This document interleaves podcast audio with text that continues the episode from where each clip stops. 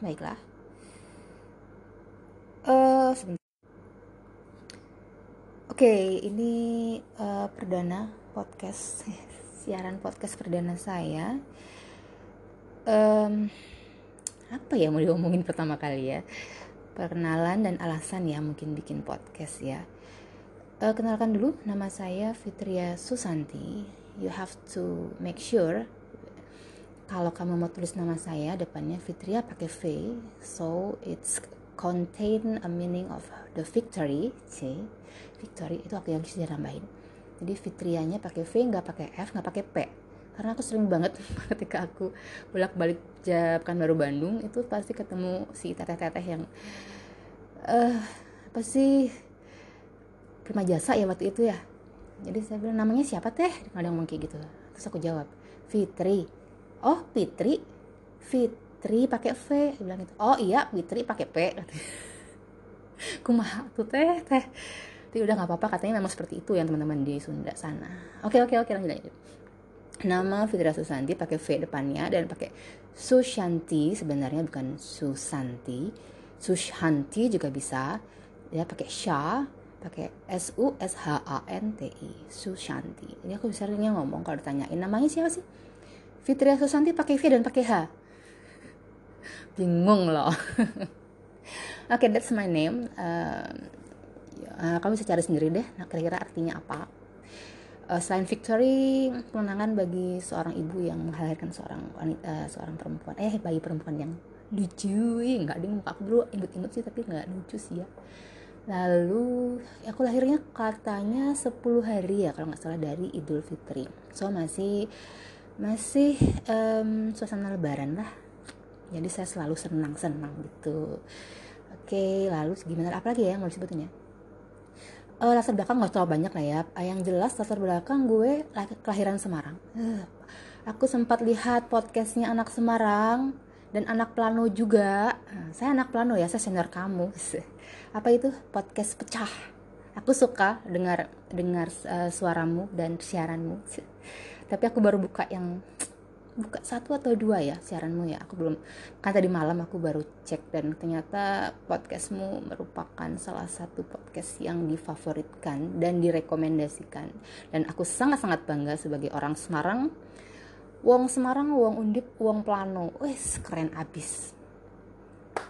Mirip sih ya kayaknya. Yang bakal diomongin uh, seputaran-seputaran yang sama. Mungkin dengan si uh, podcastnya pecah nggak ikut ikutan ya nggak ikut ikutan karena saya memang lebih dulu mungkin masuk ke profesi perencana wilayah dan kota.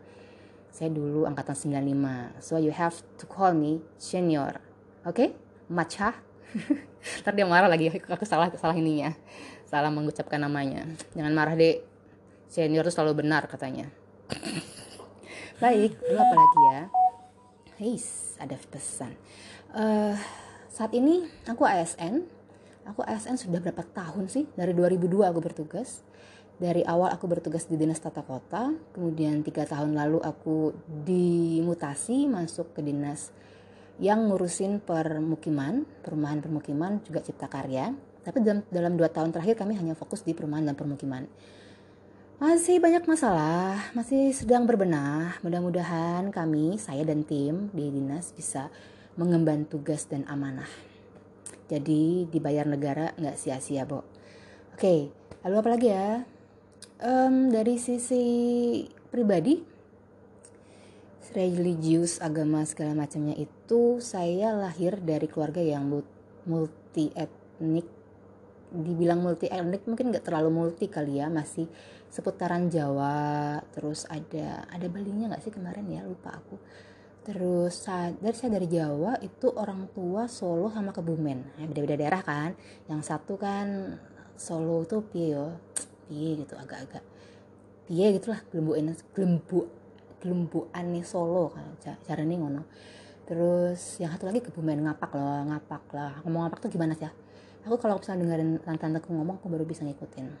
Uh, aku yang paling teringat pada aku tuh waktu aku lebaran pertama kali kayaknya aku di Semarang dulu kuliah lebaran pertama kali aku di di Kebumen tuh yang si tante ngomong pilih pilihan kunci. Lah kuncinya kunci ini langka. Aku bilang langka. Tan kunci kok langka? Langka tuh maksudnya nggak ada. Sorry kalau logatnya nggak gitu bener. Karena secara aku harus dipancing dulu baru logatnya keluar. Logat Jawa Jawa umumnya sih masih kayak kelihatan ya walaupun sebenarnya aku udah lama tinggal di Pekanbaru di bumi Melayu sejak aku umur 2 tahun kata si mama sih. Umur 2 tahun itu udah tinggal di sini terus main di Sungai Siak nyemplung kayaknya gue belum pernah main sampan samaan pernah mainan kaki waktu mancing ke papa waktu zamannya masih SD pernah. Aduh gitu deh pokoknya guling-gulingan di tanah Riau deh banyak gitu udah meledak mana-mana terus menjelajah rawa. Uh, gue tuh anak-anaknya happy banget. Anak alam bolang itu zaman dulu tuh nggak ada sayangnya yang ngasih uh, kamera di depan. Kita mau naik naik sampan. Nggak naik sampan masuk parit. Jalan jalan di tanah kan uh, waktu itu kan nggak semua nggak semua daerah nggak semua jalan di kota itu sudah aspal. Jadi aspalnya sampai berhenti di jalan paus. Bagi yang kota pekan anak pekan baru tau lah berhenti di jalan paus. Lah itu jalannya tanah nah jalan tanah bo kan panas ya kalau siang. Akhirnya kita nyemplung ke paritnya. Padahal kalau dipikir sekarang itu ada ada ular ada apa ada kodok ada apa lah ya gitu ya.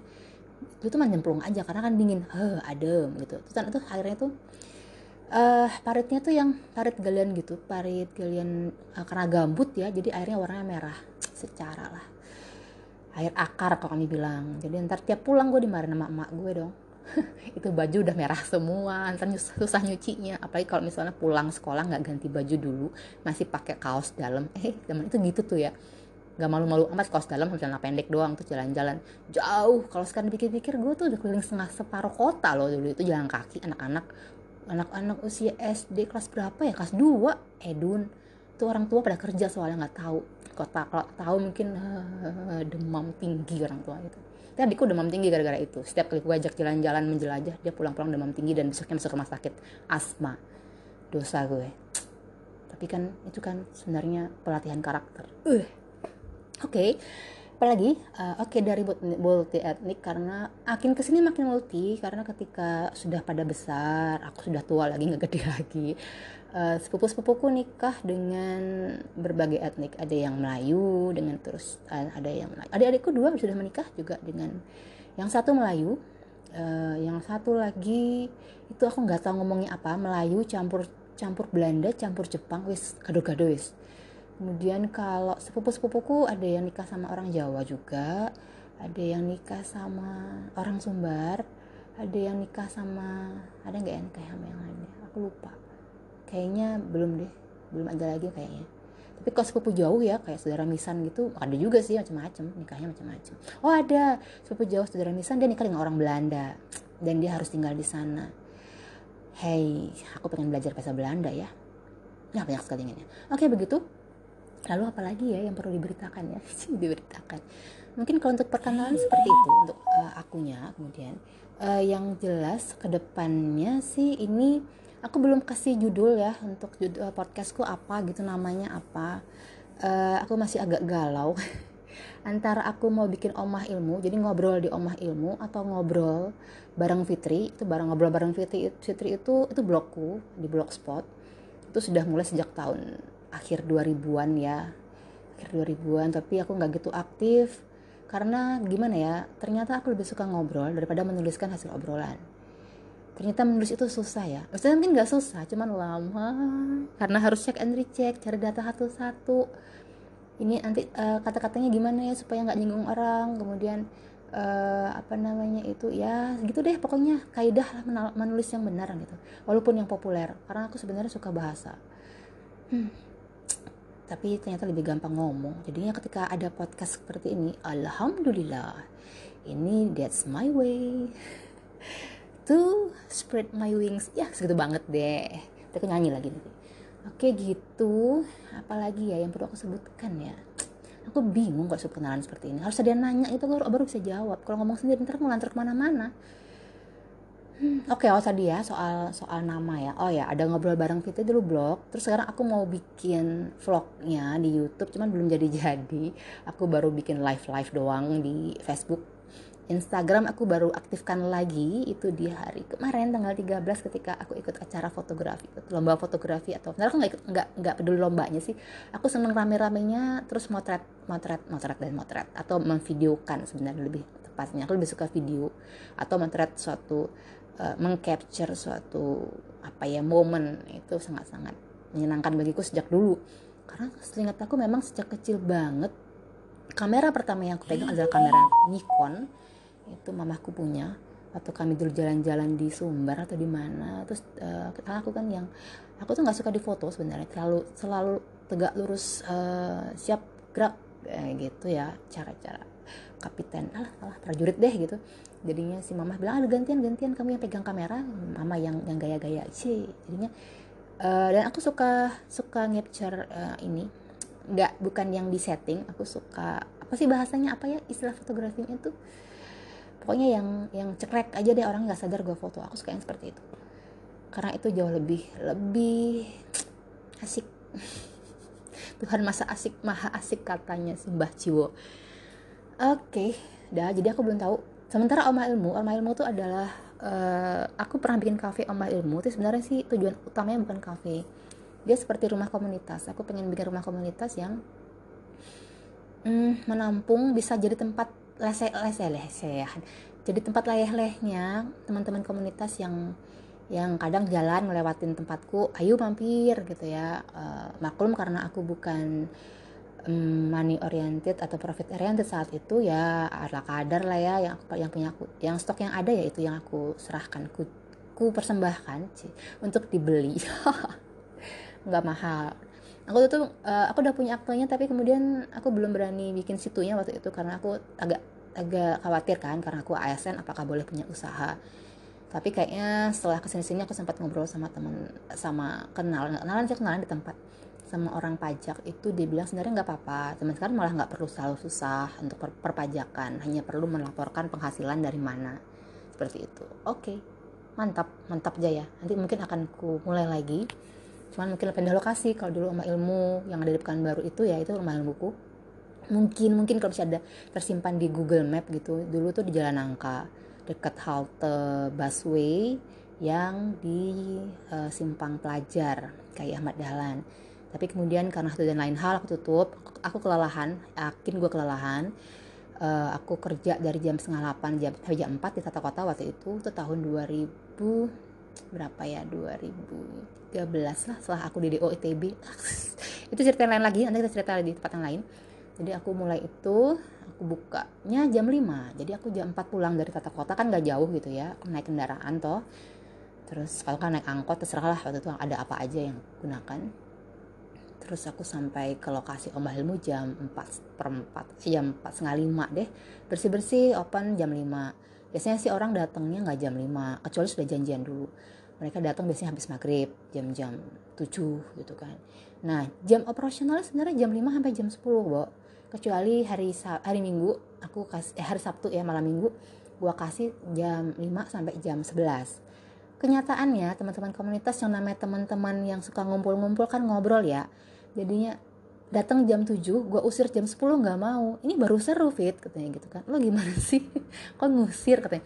Nah iya ini udah waktunya tutup. Aku bilang kayak gitu gue bisa mau kerja gitu. Tetap aja nggak ngaruh bo. Gue lawan 20 orang. Hm, kalah. Daripada gue digebukin ya udah deh ya deh nggak apa-apa deh nggak apa deh. Tapi gue langsung tutup ya tutup serve ya. Aku nggak serve lagi aku nggak ngasih minuman nggak ngasih makanan. Kalian dia kalian mau di sini ya udah gitu kan terus ada yang cerdik gitu lagi keluar balik-balik bawa minuman dari luar. Asem. Dasar ini anak-anak beneran deh. Niat banget ngobrol gitu ya. Kan uh, episode juga pasti bisa. Nah walhasil biasanya mereka baru pulang jam 11 setengah 12 aku sudah kelelahan karena aku tidak hanya menyajikan makanan tapi aku menyajikan diriku untuk diajak ngobrol. So ya begitulah ya Uh, kemudian jam setengah 12, jam 12 aku bersih-bersih. Sampai rumah itu paling cepat tuh jam setengah satu. Kadang pernah jam satu. Dan gue harus ngurusin rumah lagi. Ada yang harus kan ngeberesin lah sedikit sedikit lah. Walaupun biasanya aku harus punya waktu khusus di hari minggu untuk beres-beres. Um, akhirnya aku baru tidur sekitar jam satu setengah dua. Dan aku harus bangun jam 5 pagi karena sholat subuh ya jam 5 pagi. Jam 5 pagi harus bangun dan gak tidur lagi untuk aktivitas lagi setengah 8 mulai masuk kerja. Itu berlangsung 6 bulan. Lelah juga tapi seneng tapi capek. Badannya nggak kuat. So akhirnya aku putuskan untuk tutup. Sampai hari ini masih banyak yang nanya kak kapan omah ilmunya dibuka lagi? Kak kapan ini omah ilmunya tutup beneran atau gimana? Gitu ya. Um, jawabannya ini saat ini omah ilmu belum buka full kayak dulu dan aku ganti mungkin kemungkinan besar aku ganti gaya. Kalau dulu aku platformnya itu lebih banyak ke cafe buku ya dulu ada buku yang bisa buat dipinjam di tempat untuk dibaca dan dibicarakan bersama.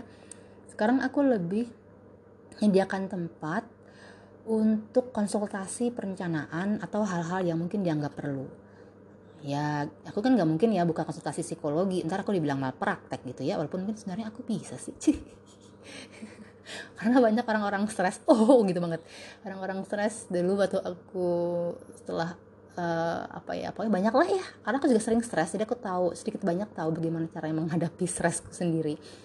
Dia nggak tahu kenapa kalau curhat gitu. Oh curhat panjang lebar panjang lebar. Aku cuma dengerin doang. Bukannya psikolog begitu ya dengerin doang. Paling nanya oh begitu?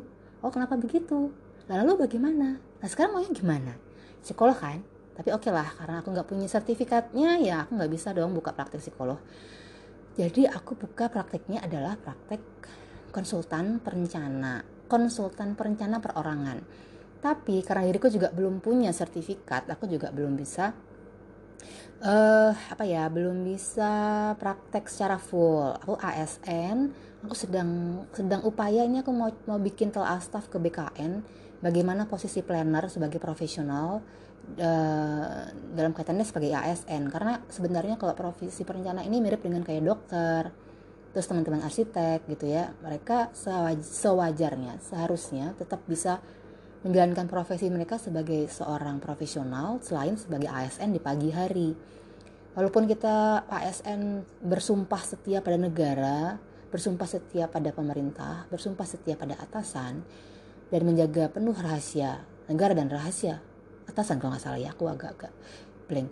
Uh, seperti itu, uh, namun kan jati diri seorang manusia harusnya tidak ditutupi jadi ketika seorang dokter bisa buka praktik di malam hari, kenapa saya tidak gitu ya sebagai seorang planner yang juga punya profesi dan punya kemampuan untuk itu.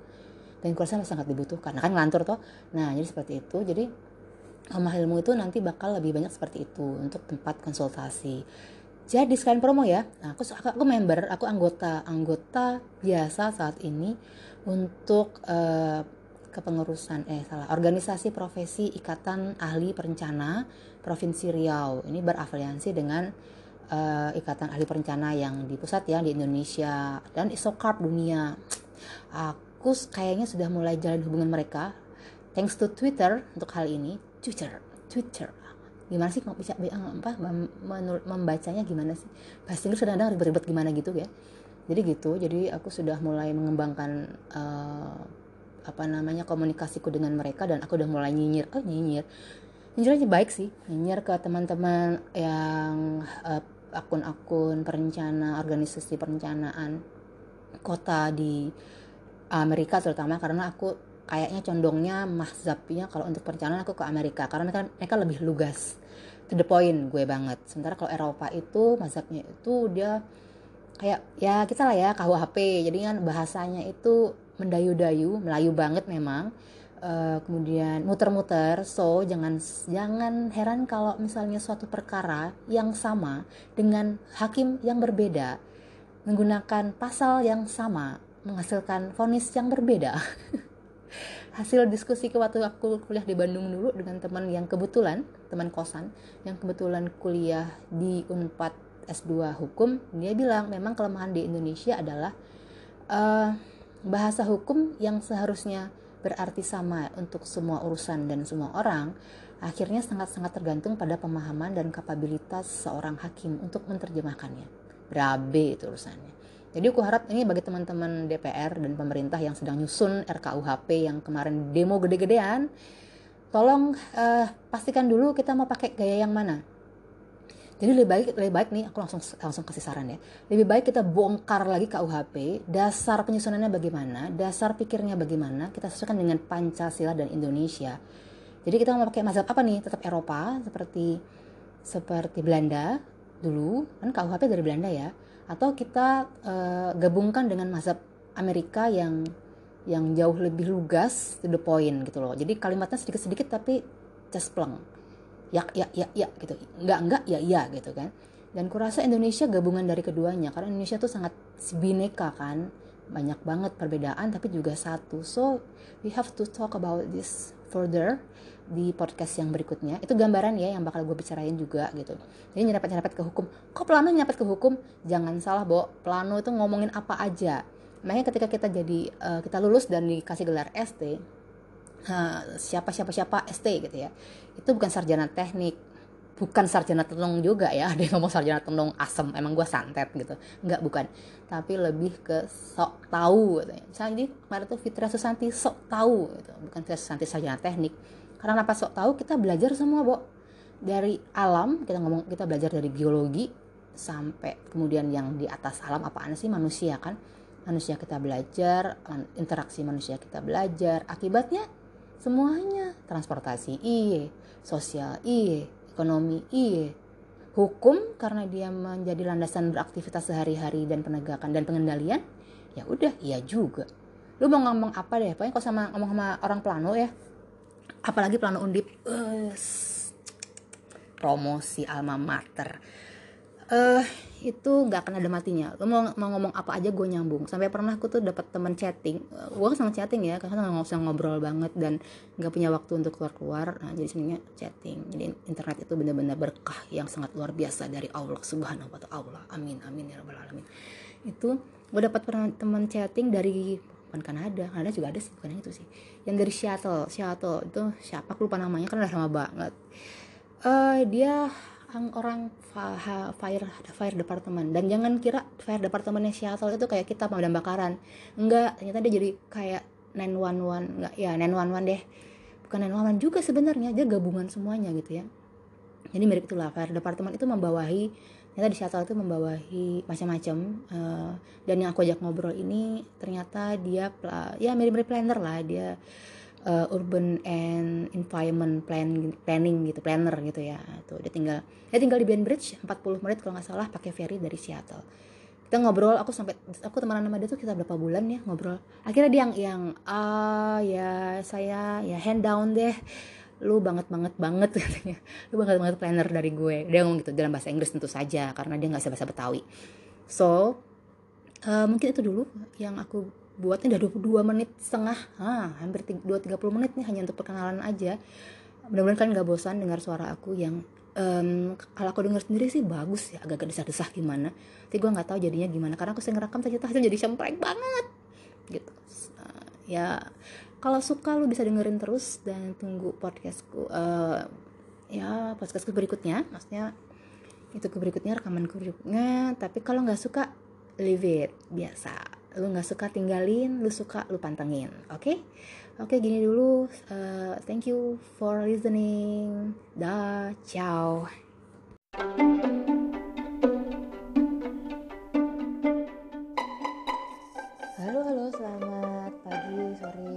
malam ngaco ngomongnya. Selamat datang kembali di siaran podcast saya Celoteh Fitri dengan saya Fitri Santi Lama-lama kayaknya aku bakal Fitri Santi atau Fitri San aja ya. Nah, Nanti kalian bisa kasih komentar ke IG gua Aduh enggak deh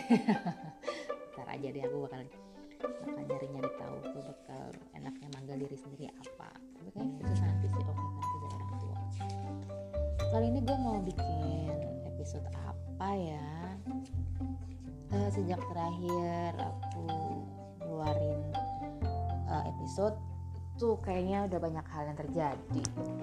Hmm, menarik sih menarik menarik nih. Yang paling berkesan kemarin yang paling berkesan untuk kemarin kemarin gitu ya. Itu gue sempat dong dibully habis-habisan di Twitter medsos. Sebenarnya tapi setelah dipikir-pikir sebenarnya tuh dibully atau gue dibantu sih gue nggak ngerti ya bisa jadi dua-duanya. Jadi ada mungkin satu sisi yang pengen ngebully memang dasar hobinya ngebully orang. Bullier itu. Uh, yang satu lagi mungkin nggak nyadar kalau sebenarnya mereka itu sedang mempromosikan saya. Asalnya dari mana? Asalnya aneh banget. Asalnya itu dari aku ngomentari aku retweet plus komen ke cuitannya Pak Said Didu tahu dong Pak Didu yang mana? Aku malas jelasinnya sih. Tapi gini deh biar nggak ada nggak ada yang uh, salah paham. Said Didu itu mantan pejabat pemerintah Indonesia uh, dan beliau itu ini beliau ngomongnya di Twitter ya ngebales tweetannya aku komentar aku.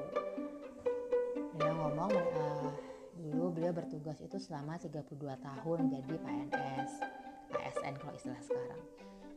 Nah, jadi uh, katanya minta pensiun muda di setelah 32 tahun dengan pangkat terakhirnya 4E gila itu mah udah puncak ya puncak karir. Dan beliau juga uh, sempat jadi ketua korpri korpri Indonesia dong. Nah itu tuh ini gue selalu diganti-ganti digangguin sama ya notifikasi lain. Biar aja lah biar nggak biar nggak bosenin ya. Gitu. Aku mau cerita apa sih soal bullying nih?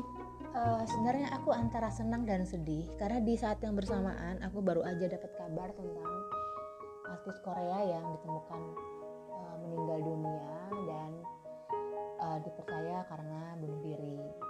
Dan tragisnya bunuh dirinya karena dia sedang depresi dan akhirnya melakukan tindakan yang ya sangat disayangkan ya karena bullying di medsos. Nah ini sebenarnya uh, ya kalau bagi orang-orang yang nggak pernah ngerasain depresi mungkin ngerasanya kok kok gampang banget sih ya segitu apalagi orang terkenal terus uh, memilih jalan yang uh, ya ya mengakhiri hidup hidup mengakhiri hidup lah ya itu kan kalau uh, ada yang langsung judge itu antara arwahnya dan bakal bisa masuk surga lah atau apalah. Cuman kalau aku pribadi sih aku nggak mau berpikir itu karena yang benar-benar uh, berwenang untuk mengatakan seseorang itu masuk surga atau neraka atau masuk neraka nerakanya berapa bulan. Berapa bulan waktu neraka ya. Itu itu hanya Tuhan. Jadi bukan kita kita manusia. Kita tugasnya cuma hidup sebaik-baiknya sampai nanti dipanggil pulang. Dan aku percaya kalau Tuhan itu tidak akan uh, luput akan segala sesuatu.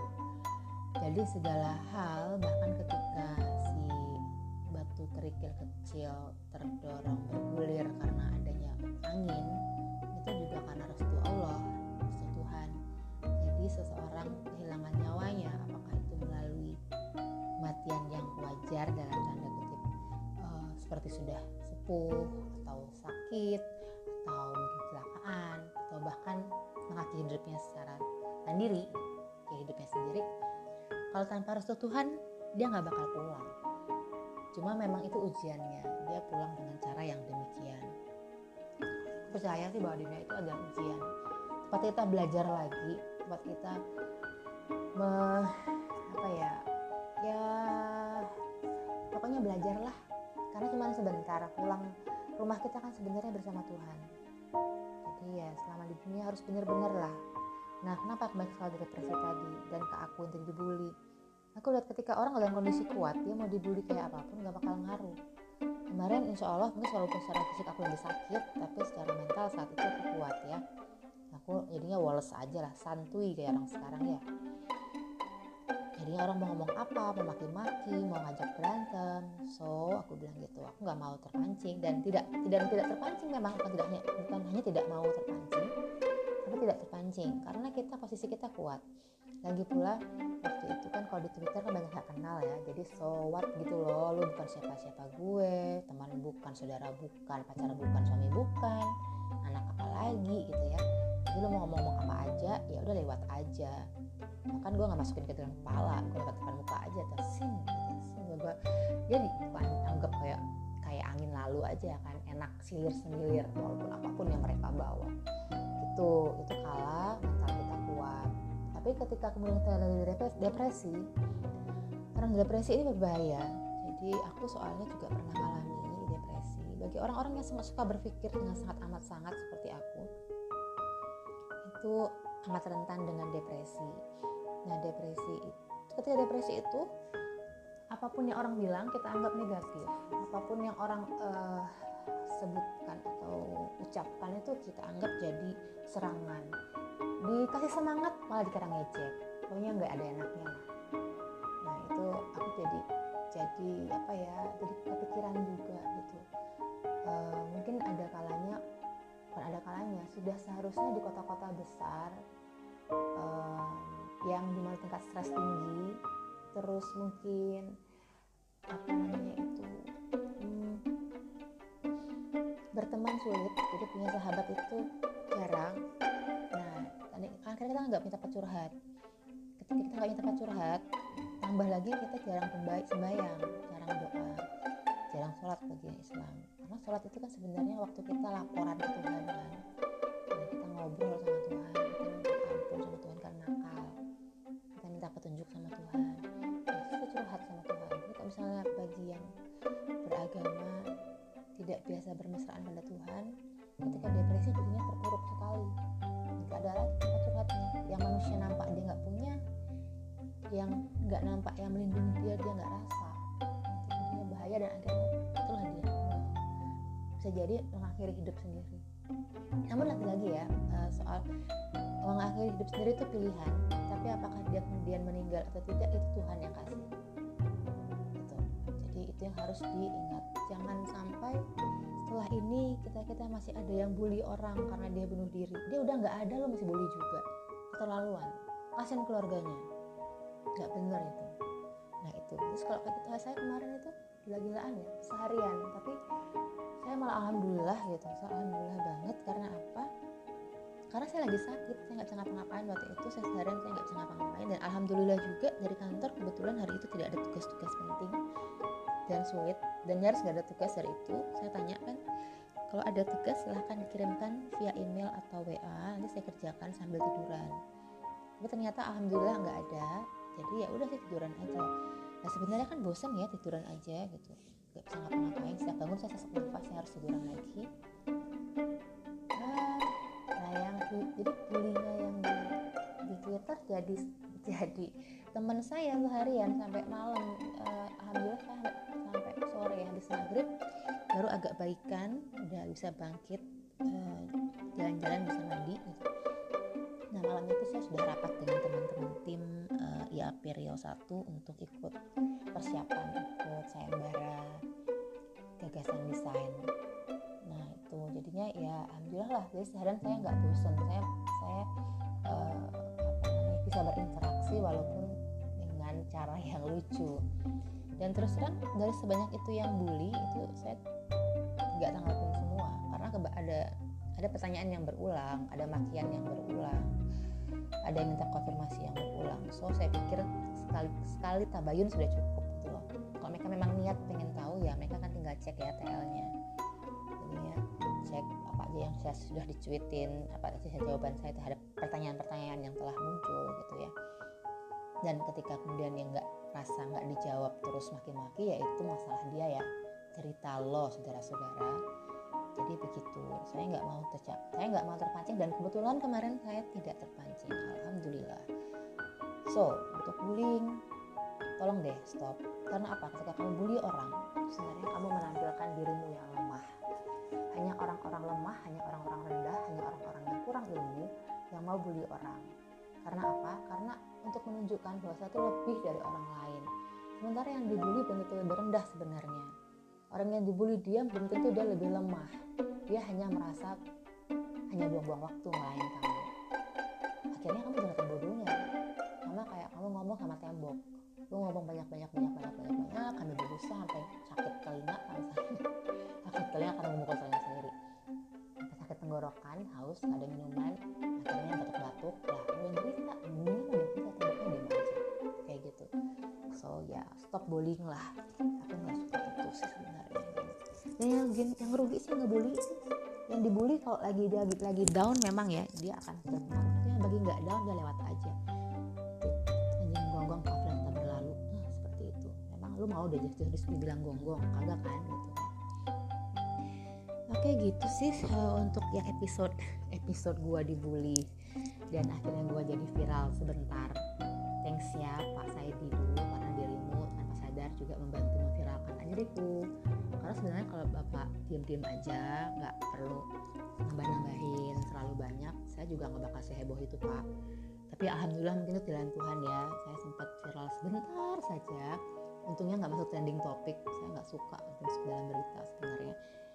Itu membantu saya untuk mempromosikan podcast ini bantu saya untuk mempromosikan siapa saya bantu saya untuk mempromosikan uh, kota saya mungkin saya kemudian bisa dibantu oleh banyak orang untuk lebih baik ke depan.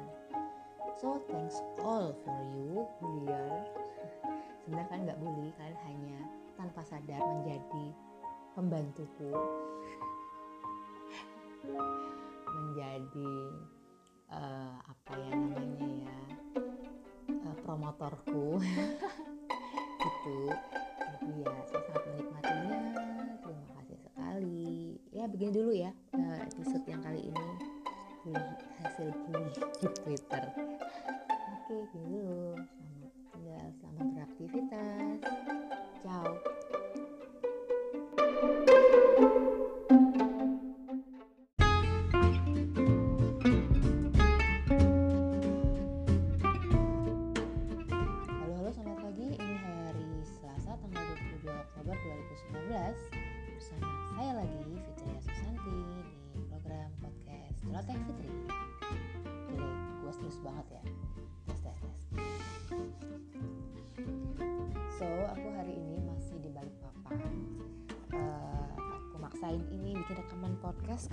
harusnya aku kemarin ya sudah ada uh, dikeluarkan episode yang ketiga seharusnya. Pengen dua hari sekali ada episode yang muncul.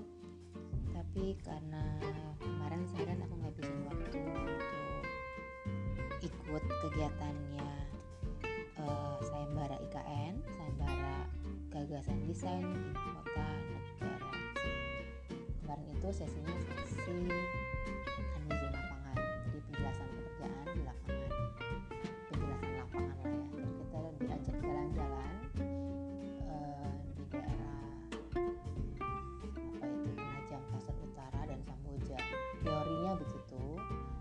karena ternyata waktunya nggak cukup jadi panitia tadinya sangat-sangat optimis bisa mencapai ada berapa titik tadi ya minimal tiga titik henti lah ya. Tapi ternyata kita cuma cuma dua titik henti itu pun agak sedikit memaksa. Kita berhenti pertama kali itu di gardu pandang atau menara pandang. Uh, itu masih di Sepaku Sepaku di awal jam dari pelabuhan.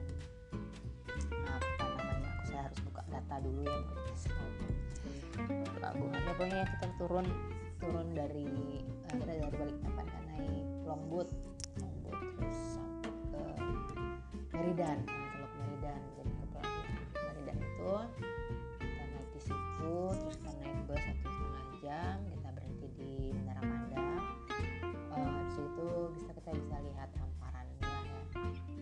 cuma sangat disayangkan saya nggak sempat naik ke atas. Karena kan yang namanya Menara Pandang ada standar keselamatan. Jadi yang yang naik nggak bisa banyak-banyak gitu. Setiap levelnya dia ada 4 atau 5 level itu.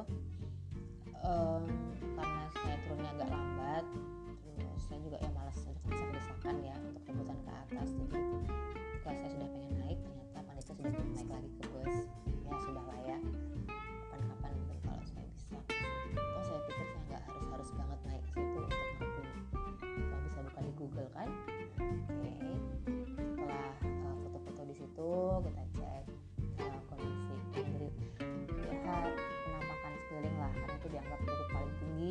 uh, di lokasi yang dilalui oleh jalan jaringan jalan provinsi itu itu kalau salah di titik ketinggian 141 meter di atas permukaan laut. Kalau nggak salah saya nggak salah. Tentang saya mana sih? Nah seperti itu. Kemudian kita jalan lagi jalan lagi sekitar dua jam ya. Dua jam setengah dua jam. Kita uh, berhenti untuk makan siang. Itu juga sebentar sekali waktunya nggak sampai dua jam satu jam lebih sedikit. Itu dikasih kesempatan untuk makan siang dan sholat. Jadi itu sangat-sangat mepet. Um, harusnya kalau di jadwalnya yang di rundown acaranya panitia bagikan ke kita di pagi hari itu kita seharusnya berhentinya di kantor desa. Tapi kenyataannya kita berhentinya di masjid masjidnya lumayan besar dan uh, hampir dibilang kayak masjid raya yang kawasan itu sepaku dua. Tuh. Aduh apalagi ya? Uh, di situ ya nggak lama-lama cuma makan dan makan dan sholat. Jadi ya nggak sempat ngapa-ngapain ya. Saya mau ngobrol pun nggak sempat saya juga makannya lambat sih jadinya agak repot. Terus naik lagi naik lagi. Harusnya kita ke Samboja dan berhenti di Bukit Raya. Tapi karena waktunya sudah mepet katanya dan memang iya jadi kita langsung balik lagi ke Balikpapan. Jadi kalau tadi berangkatnya pakai lumput lewat air kita ngelewatin jembatan Pulau Balang Balang atau Galang ya. Itu itu jembatan yang menghubungkan antara Balikpapan dan, dan Penajam yang nanti akan jadi akses uh, akses ekspres dari Balikpapan ke Penajam antar pulau. Jadi dia di teluk sih dia menyeberangi teluk. Jadi di antara teluk itu ada Pulau Balang itu. Balang ya belum jadi sih tapi katanya tahun 2020 sudah bisa operasional terus kita pulangnya lewat darat. Jadi kita muter di jalan provinsi. Yang mungkin nanti sebagian akan jalan nasional ya. Jadi kita muter ngelilingin teluk sebenarnya itu dengan jarak yang nggak terlalu sama. Itu melewatin banyak banyak hal sih banyak penampakan. Uh, kebun. Yang jelas itu tadi tadinya saya pikir masih hutan hutan sekunder minimal atau hutan primer ya Kalimantan gitu ternyata sudah tidak. Yang kita lewati itu adalah perkebunan eukaliptus dan akasia. Jadi rupanya uh, daerah Sepaku itu sebagiannya sudah merupakan HTI hutan tanaman industri. Dan untuk industri apa? Industri kertas. Jadi saya tanya ke panitia industri kertasnya di mana gitu? Apakah di dekat-dekat situ? Ternyata tidak. Ada kemungkinan di daerah Samarinda sana. Nanti saya cek lagi tapi so far itu sih kalau kalau um, bangun eh bangunan. Kalau untuk uh, tanaman-tanaman yang lain saya nggak gitu paham tanaman kalau misalnya lihat dari jauh ya. Uh, ada yang mirip sama pohon sialang di Riau. Jadi bentukannya bagus itu jadi pohon-pohon yang kalau kita dulu anak-anak sering bilang itu tempatnya jin duduknya itu tinggalannya mereka karena makin bagus pohon biasanya makin disukai makhluk yang tidak nampak yang kasat mata. Dan itu ada beberapa penampakan yang mirip dengan pohon sialang di Riau. Tapi saya nggak tahu apakah itu benar sejenis atau enggak.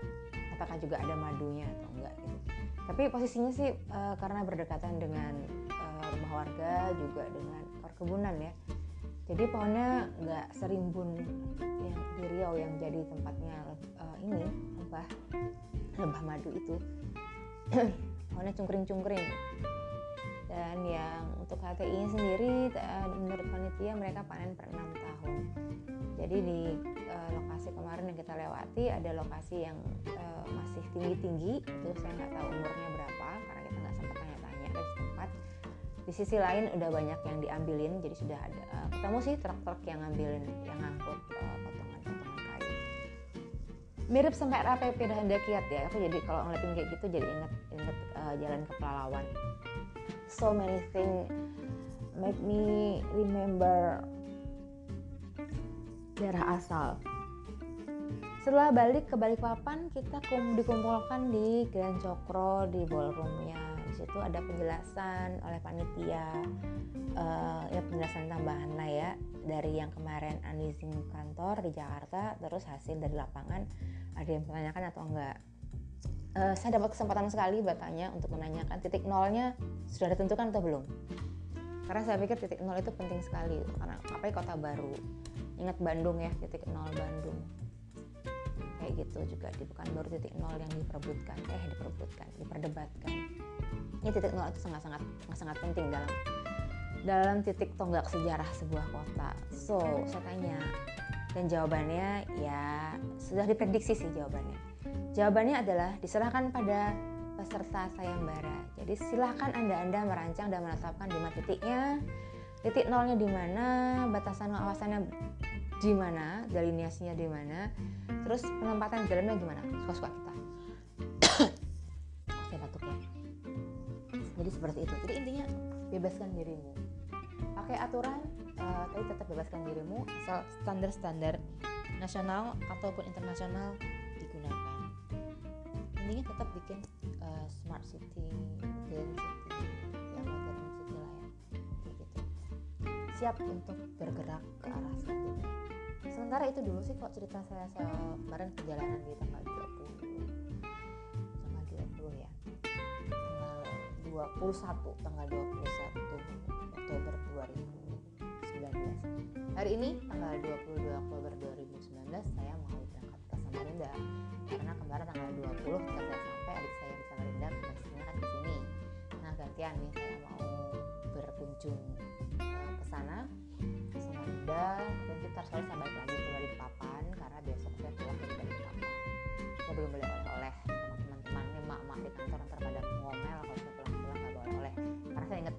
bilang diingetin ya. Tapi saya nggak lupa dan mereka sudah ingetin tadi malam. So ibu-ibu sabar ya. Kalau nggak hari ini ya mungkin besok pagi saya datang eh sebelum saya ke bandara saya ke pasar dulu. Untuk nyari baju-bajuan yang ada ada pesan. Uh, mohon maklum karena kita backpackeran jadi nyari batunya yang murah-murah meriah ya. Yang penting oleh-oleh. Kalau mau lebih mahal silahkan transfer duit ke rekening di WA saya aja itu dulu. Selamat pagi semua pendengar podcast saya yang setia dan mudah-mudahan selalu setia. Selamat beraktivitas hari ini. Apa pun sih kapan kamu dengerin ini semoga apa yang saya saya uh, celotehin ini ada manfaatnya buat kamu semua. Oke sekian dulu. Dah ciao